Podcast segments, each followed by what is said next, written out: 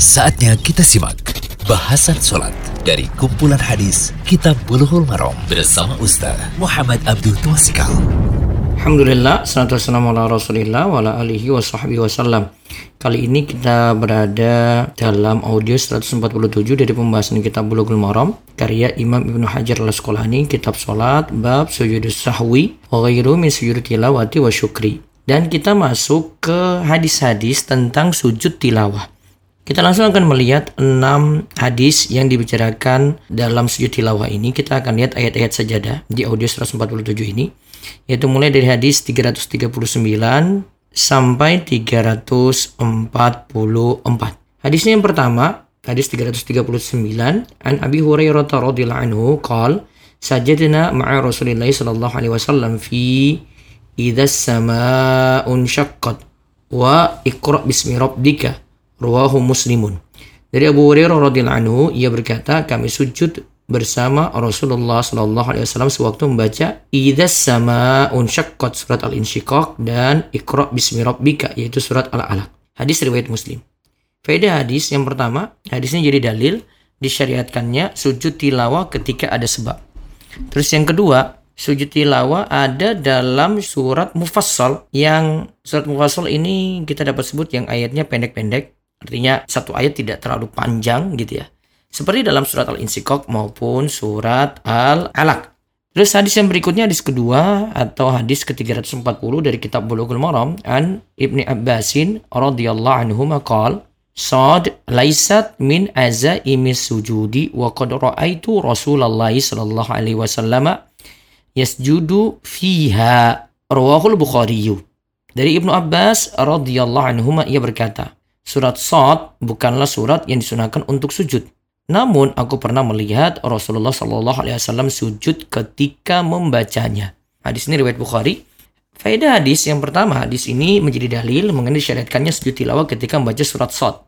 Tetapi tidak terlalu ditekankan seperti sujud tilawah ketika membaca ayat lainnya. Nah ini patut dipahami terlebih dahulu. Ya artinya sujudnya di saat membaca surat Sot itu ada.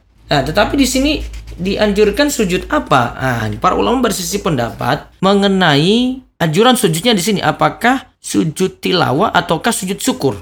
Sebagian ulama menganggap bahwa yang disyariatkan adalah sujud syukur. Berarti hanya dilakukan di luar sholat. Karena ingat ya sujud syukur itu di luar sholat. Inilah pendapat Syafi'iyah dari dua pendapat yang ada dan pendapat madhab Hambali. Sedangkan ulama yang lain berpendapat bahwa surat Sot disyariatkan sujud tilawah. Sehingga dianjurkan di dalam maupun di luar sholat. Kalau kita anggap sebagai sujud tilawah berarti dalam sholat maupun luar sholat boleh. Inilah pendapat dari ulama Malikiyah, Hanafiyah, dan salah satu pendapat dalam madhab Syafi'i. Nah pendapat yang terkuat menurut Syekh Abdul Al-Fauzan dalam Minha Al-Alam, surat sholat disyariatkan sujud tilawah. Hal ini juga menjadi pendapat dari Syekh As-Sa'di dan Syekh Ibnu Bas. Sedangkan Syekh Dr. Muhammad Mustafa Az-Zuhaili berpendapat bahwa surat sholat itu dianjurkan sujud syukur, bukan sujud tilawah, sehingga tidaklah disyariatkan di dalam sholat. Kemudian hadis berikutnya, hadis ketiga atau hadis ke-341 wa anhu anna Nabi sallallahu alaihi wasallam sajada bin najmi wa rawahul Bukhari dari Ibnu Abbas radhiyallahu anhu Nabi sallallahu sallallahu alaihi wasallam sujud sewaktu membaca surat An-Najm hadis riwayat Bukhari. Terus hadis keempat atau nomor 342 dari kitab Bulughul Maram wa an Zaid bin Thabit radhiyallahu anhu qala qara'tu ala Nabi sallallahu alaihi wasallam an-najma falam yasjud fiha mutafaqun alaih.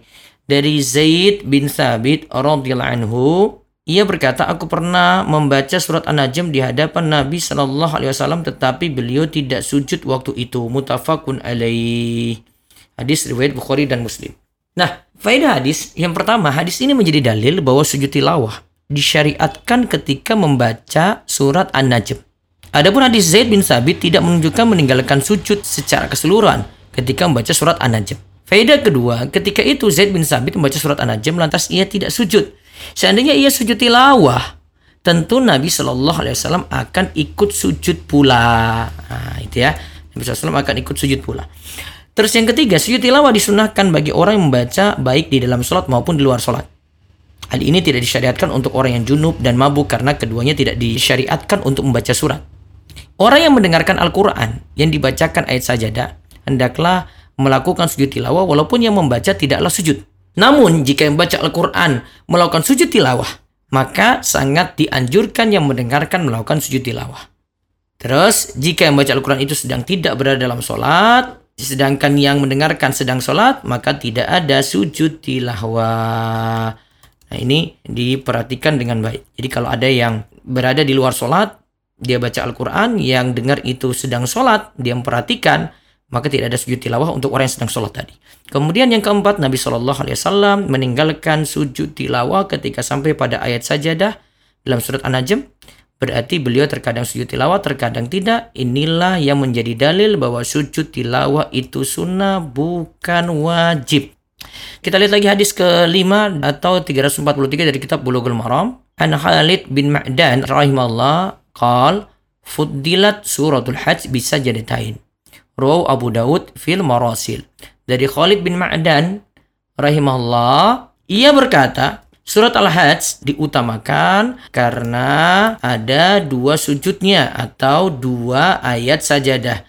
Hadis ini riwayat Abu Dawud dalam Al-Marasil. Terus hadis ke 6 atau hadis 344 dari kitab Bulughul Maram Rawu Ahmadu wa Tirmidzi mausulan min hadis Uqbah bin Amir wa zada faman lam yasjud huma fala yaqra'huma Wasanaduhu dhaifun. Diriwayatkan oleh Ahmad dan Tirmizi secara mausul yaitu bersambung dari hadis Uqbah bin Amir dengan tambahan barang siapa yang tidak sujud atasnya maka janganlah membacanya. Namun sanad hadis ini dhaif. Ini juga didoifkan oleh Ibnu dan Imam Ibnu Hajar. Faedah hadis surat Al-Hajj memiliki keistimewaan dari surat lainnya dalam satu surat ada dua ayat saja dah.